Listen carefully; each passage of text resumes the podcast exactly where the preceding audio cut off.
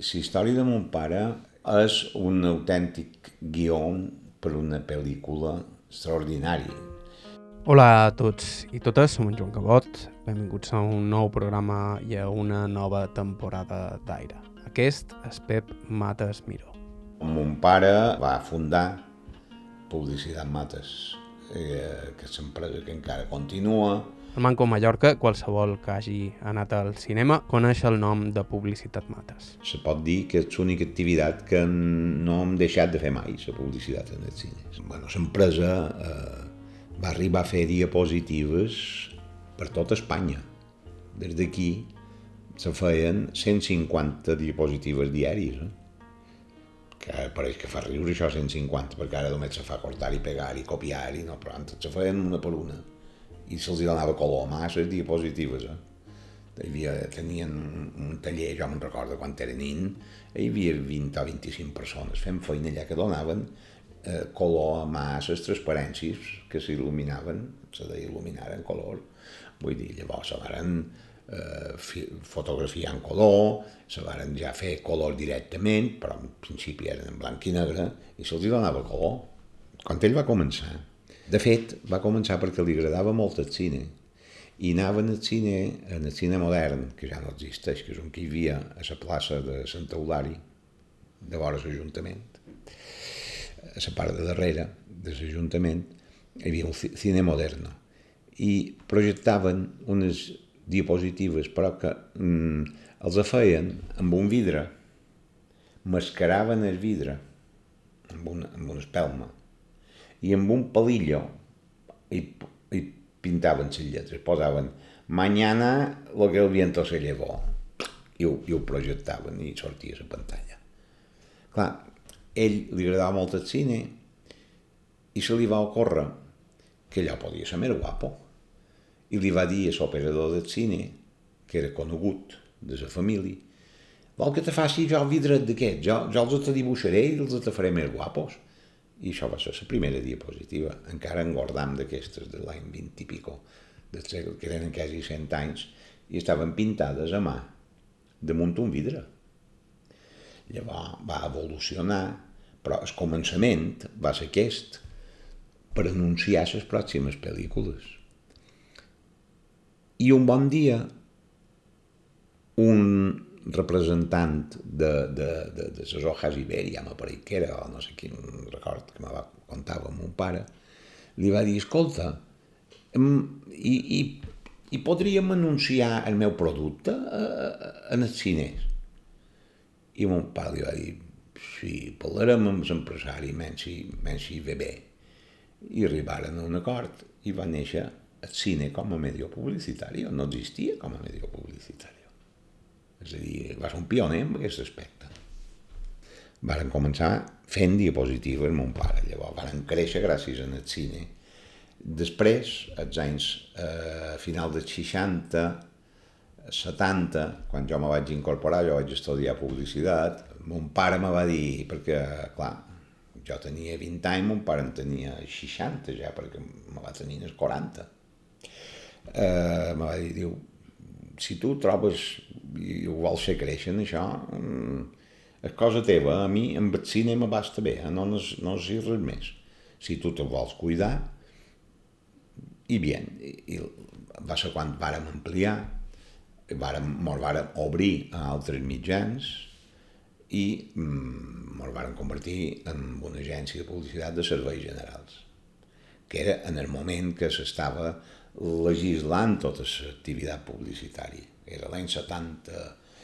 Mira, l'any 74 se va fer l'Estatut de la Publicitat, se van regular els estudis de publicitat, se va fer una llei que deia que al front de les agències hi havia d'haver un tècnic titulat, etc etc. Vull dir, se va articular aquesta, aquesta activitat que no existia, vull dir. I amb aquest aspecte jo vaig ser de la primera promoció de tècnic de publicitat d'Espanya. Un curiós final pel fi i net de represaliats del franquisme que varen haver de fugir del país i viure en la clandestinitat durant anys. Mon pare, mm, de jove, era socialista, republicà, implicat activament, el meu predí era directiu de la revista El Obrero Balear, que era un òrgan que hi havia des, des partit del PSOE d'aquí. Bé, vull dir que quan, quan, va, quan va estallar el moviment els acercaren, el, vull dir, els acercaren a mon pare, el meu predí i a un germà de mon pare, eh, que era, tots tres estaven implicats en la política, vull dir, no... Evidentment no havien fet cap, cap, delita ni cap crimen, simplement eren republicans i socialistes i això ja era prou en aquell temps. Els acercaven i varen decidir, perquè no els escatassin, perquè varen escatar bastant de mig seus, amagar-se, varen fer de topos i varen estar amagats a un soterrani mm, durant tres anys. És una curiositat i una anècdota, si vols, i és que els temps que estaven amagats varen convocar, el govern civil va convocar un concurs per fer unes diapositives per projectar en el cine en la imatge d'en Franco perquè en el, en, el, en el començament de les pel·lícules posaven aquesta diapositiva, feien sonar signe nacional, la marxa real, i la gent s'aixecava dreta i és que no volien que se pensassin que no eren dels altres, aixecaven el braç. Això era pràctica habitual.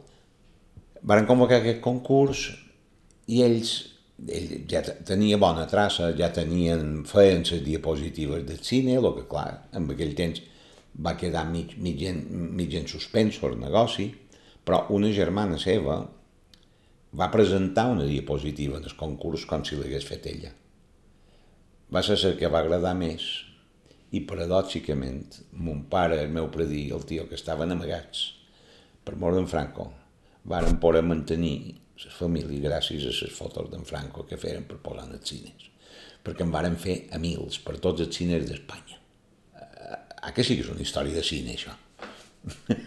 Vull dir, bueno, passat això, aquests tres anys, clar, mmm, varen perdre la guerra, no la varen guanyar, per tant, encara venien més purgues i la i, i la repressió va ser encara molt més forta. Total, que decidiren, entre, eren vuit o nou que estaven en contacte, comprar una barca que la va anar a comprar un tio meu, un germà petit de mon pare, que encara era jove i no estava implicat en res, la va anar a comprar, va, varen fer la comèdia de que el seu predí li regalava la barca en Ernet, l'anaren a comprar, compraren un lleutet, un lleutet de 6 metres, i, com les pateres d'ara se n'hi ficaren nou i se'n anaren per anar rumbo sur cap al G. I en arribar al G ja vos, ja vos telefonarem o ja, o ja mos posarem en contacte. Una paraula, fugir de la repressió. En la mala sort de que els hi va agafar un temporal, final d'agost, ara farà anys, els hi va agafar un temporal d'aquest de final d'estiu, la barca se'ls va espanyar, cap d'ells tenia ni idea de com fer marxar un motor d'una barca, i quan ja se donaven per morts, els va recollir un, un barco. En la sort de que els va recollir, no se van morir, però la desgràcia de que aquest barco hagués pogut, hagués pogut ser anglès, però no, va ser italià. Aleshores s'anaven d'en Franco i anaren a caure amb en Mussolini. el capità del barco els va dir, jo vos he d'entregar, però sabeu que era antifeixista també, els va dir, tirau la documentació a la mà. I així ho feren. I van anar a parar i regalaren quasi un any per la pressió de Celi de Roma, però sense, sense, sense saber què passaria d'ells. Vull dir, eren com, eren com un verso suelto que no sabíem on el havien de col·locar aquests vuit espanyolets que s'havien anat d'Espanya. I al final anaren a parar a un illot, que és un poc més gras que la Dragonera, eh, com Cabrera, més o menys, de dimensions, que és Ventotene, que està a la costa italiana, a la part de baix, entre Nàpols i Roma, o sigui, un poc més amunt de Nàpols, que per cert aquest estiu la família hi vàrem anar a reveure-ho i, i això va ser molt emotiu. En aquesta illa hi havia mm, era una illa de... Mm, no, no era un camp de concentració, en absolut. Era una illa de confinament polític. Allà hi tenien els que no s'atrevien a matar, perquè eren prou importants.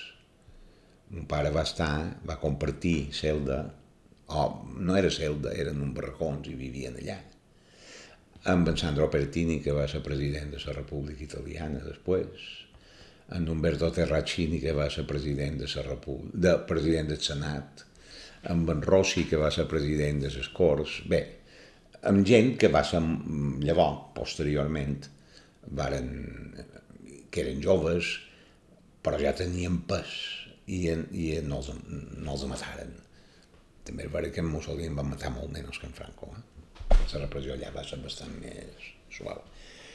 I llavors, quan va acabar, eh, quan Mussolini va plegar, perquè estaven entre, entre la illa i Roma, estaven quatre anys per Itàlia. Eh? O sigui que mon pare, 3 i 4, 7, 7 anys de la seva vida, és un parèntesi groig mateix. Eh? Clar, eh, va tornar al 42, 43, perdona, i llavors, bueno, se va casar, eh, va conèixer una altra, que ma mare, se va casar, i va, però clar, se va casar que tenia 39 anys, perquè aquest set...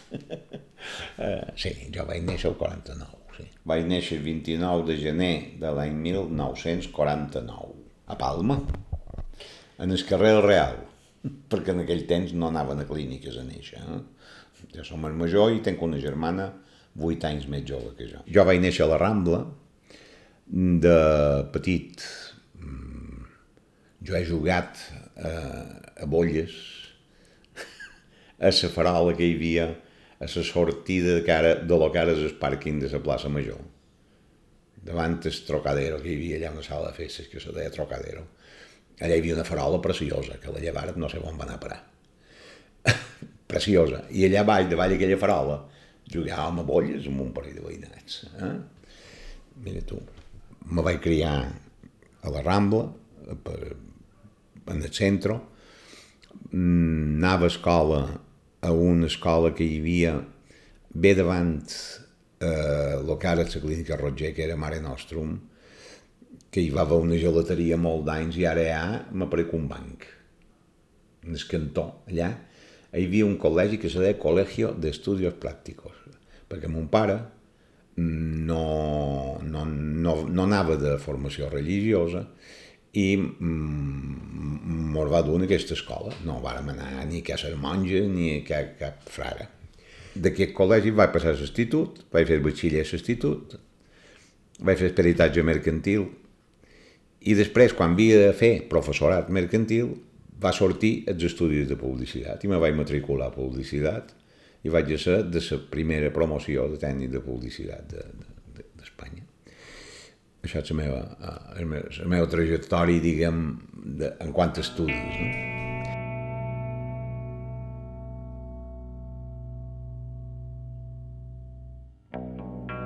El meu predí Mates era sabater, però sabater remendona, no, no, no, era, no era sabater com el de Yanko, o com els de Lotus, eh? vull dir, no, no.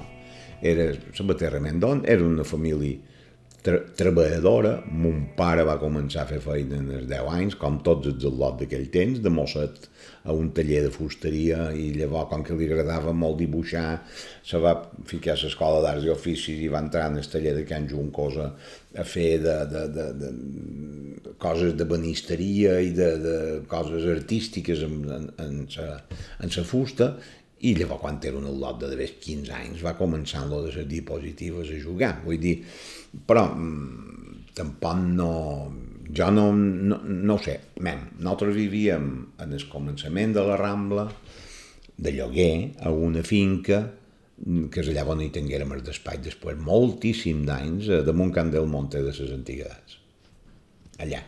El número 8, jo vaig néixer en el carrer del Real, que era el primer que voltava, però per darrere hi havia un pati que se comunicava amb el de la Rambla i allà va, jo vaig néixer allà, els, els, els al·lots amb els que jo jugava eren fills de, de la família Reinès, que eren els dueños de la finca, i don Gaspar era metge, el seu fill també ho va ser, sí, supos que era una gent benestant, aquella finca no, estava bé, vull dir, encara ara hi ha un, hi ha un entresol molt guapo amb unes vidrieres sis artificis, que hi ha les lletres de la família, sí, supos que era, però nosaltres érem inquilinos d'allà, no era, no era nostre ni tot això.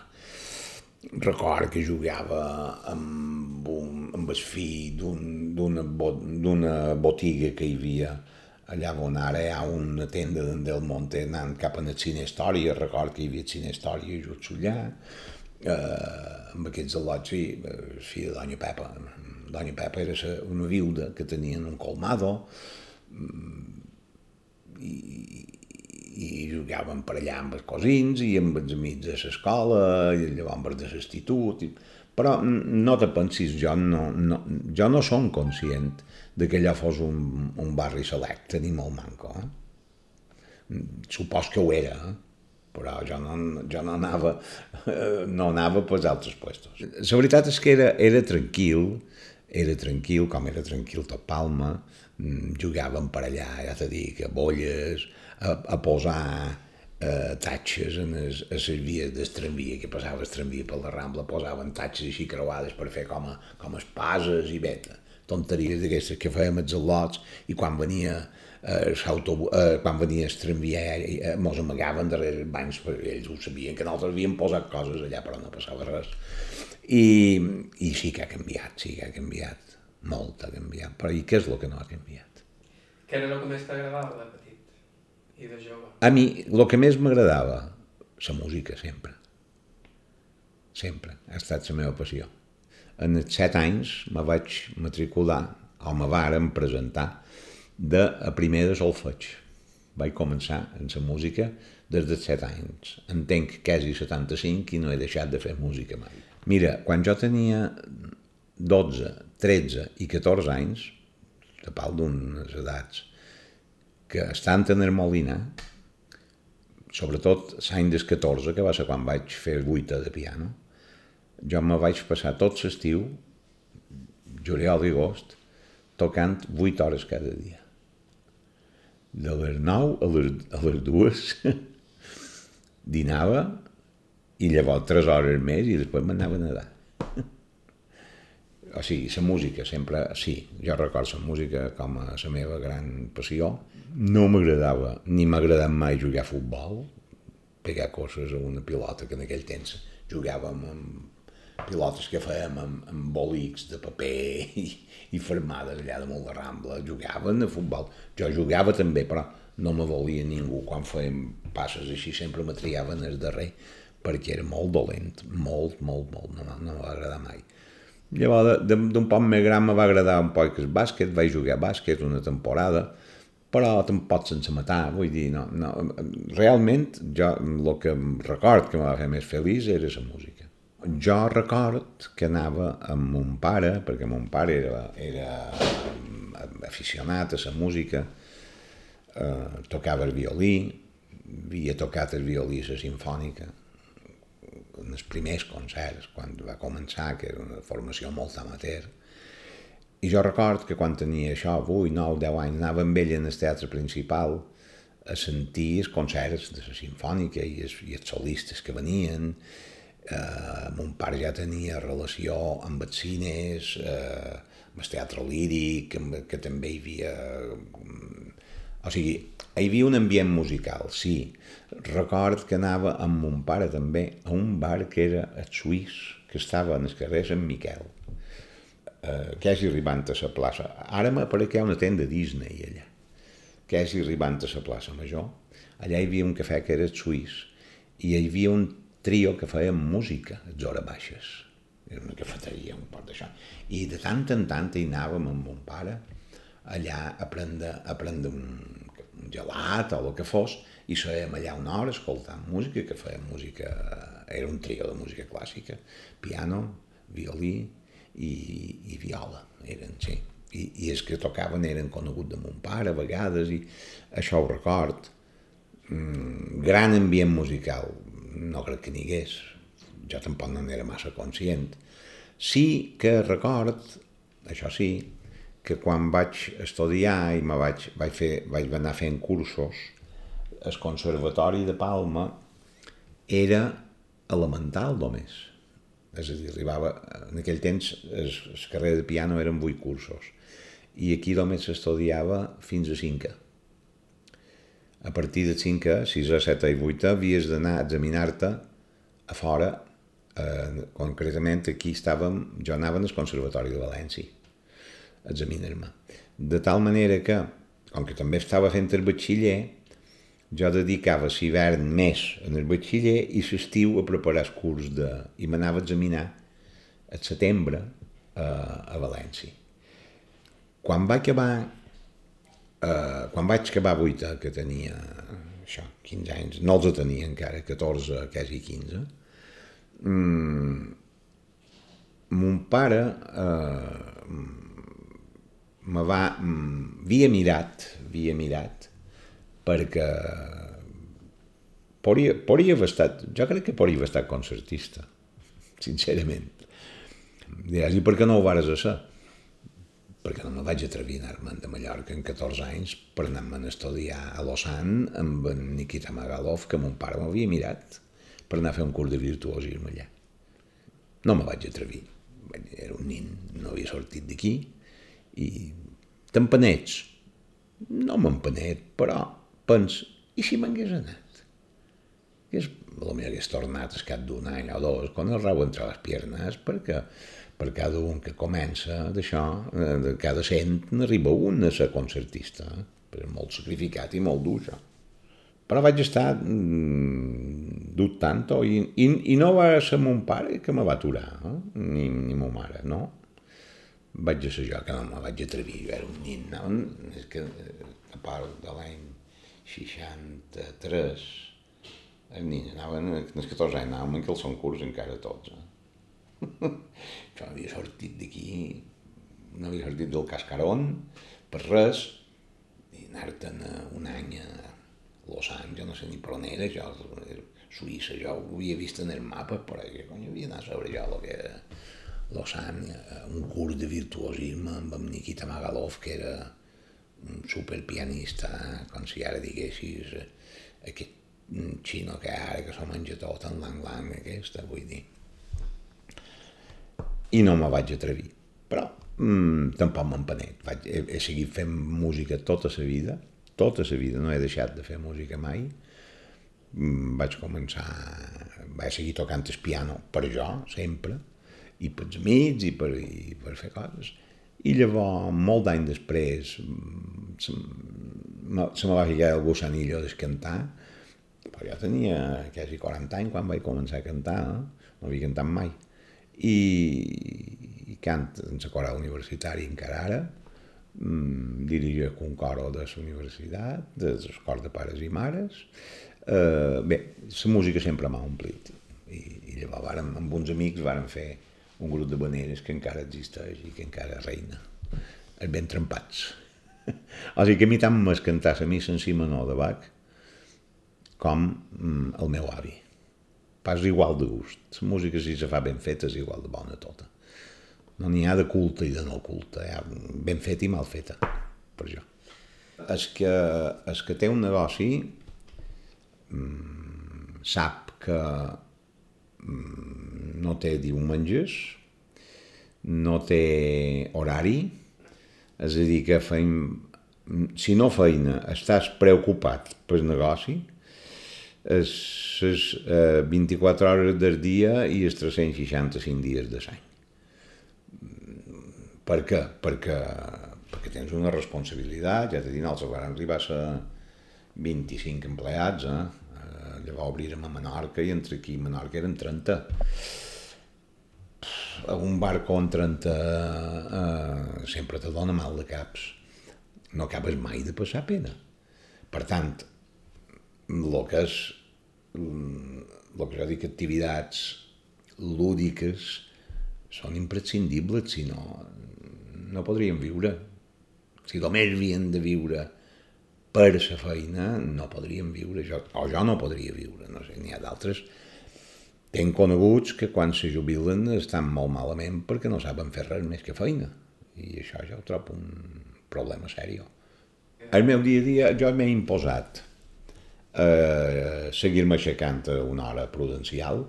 No, no me, no m'aixec molt presta, perquè som molt velador. El vespre no tens son. I me'n vaig a dormir normalment a les dues, a una i mitja, a les dues, els dies que faig prest. Um, però no, una i mitja, m'aixec,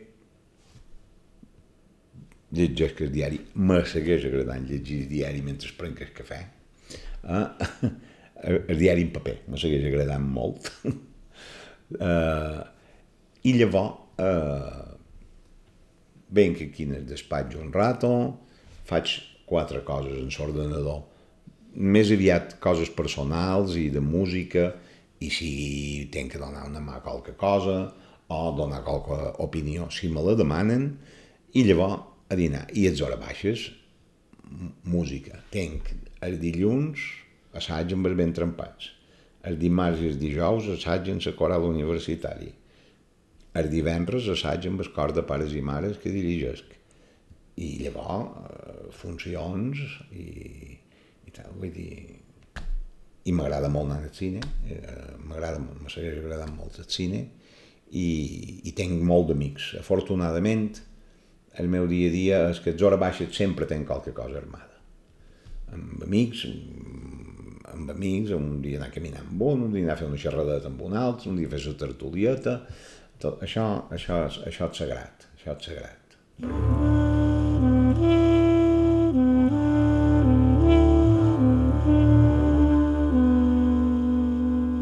I fins aquí el programa d'avui. Moltíssimes gràcies a Pep Mates pel seu temps i amabilitat i moltíssimes gràcies a l'amic Rafael Gelabert, que va ser qui ens va proposar la idea.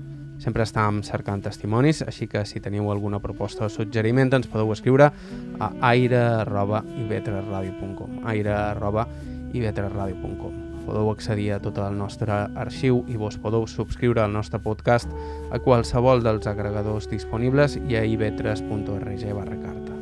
La música que feim servir habitualment és de Joshua Abrams, Natural Information Society, Mary Sanderson en Jim White, Bonenan Barchi, Johan Berling i Andreas Ferlin i Charles Rumbach. Bàrbara Ferrer, la producció executiva, vos ha parlat Joan Cabot. Gràcies per ser a l'altre costat i fins la setmana que ve.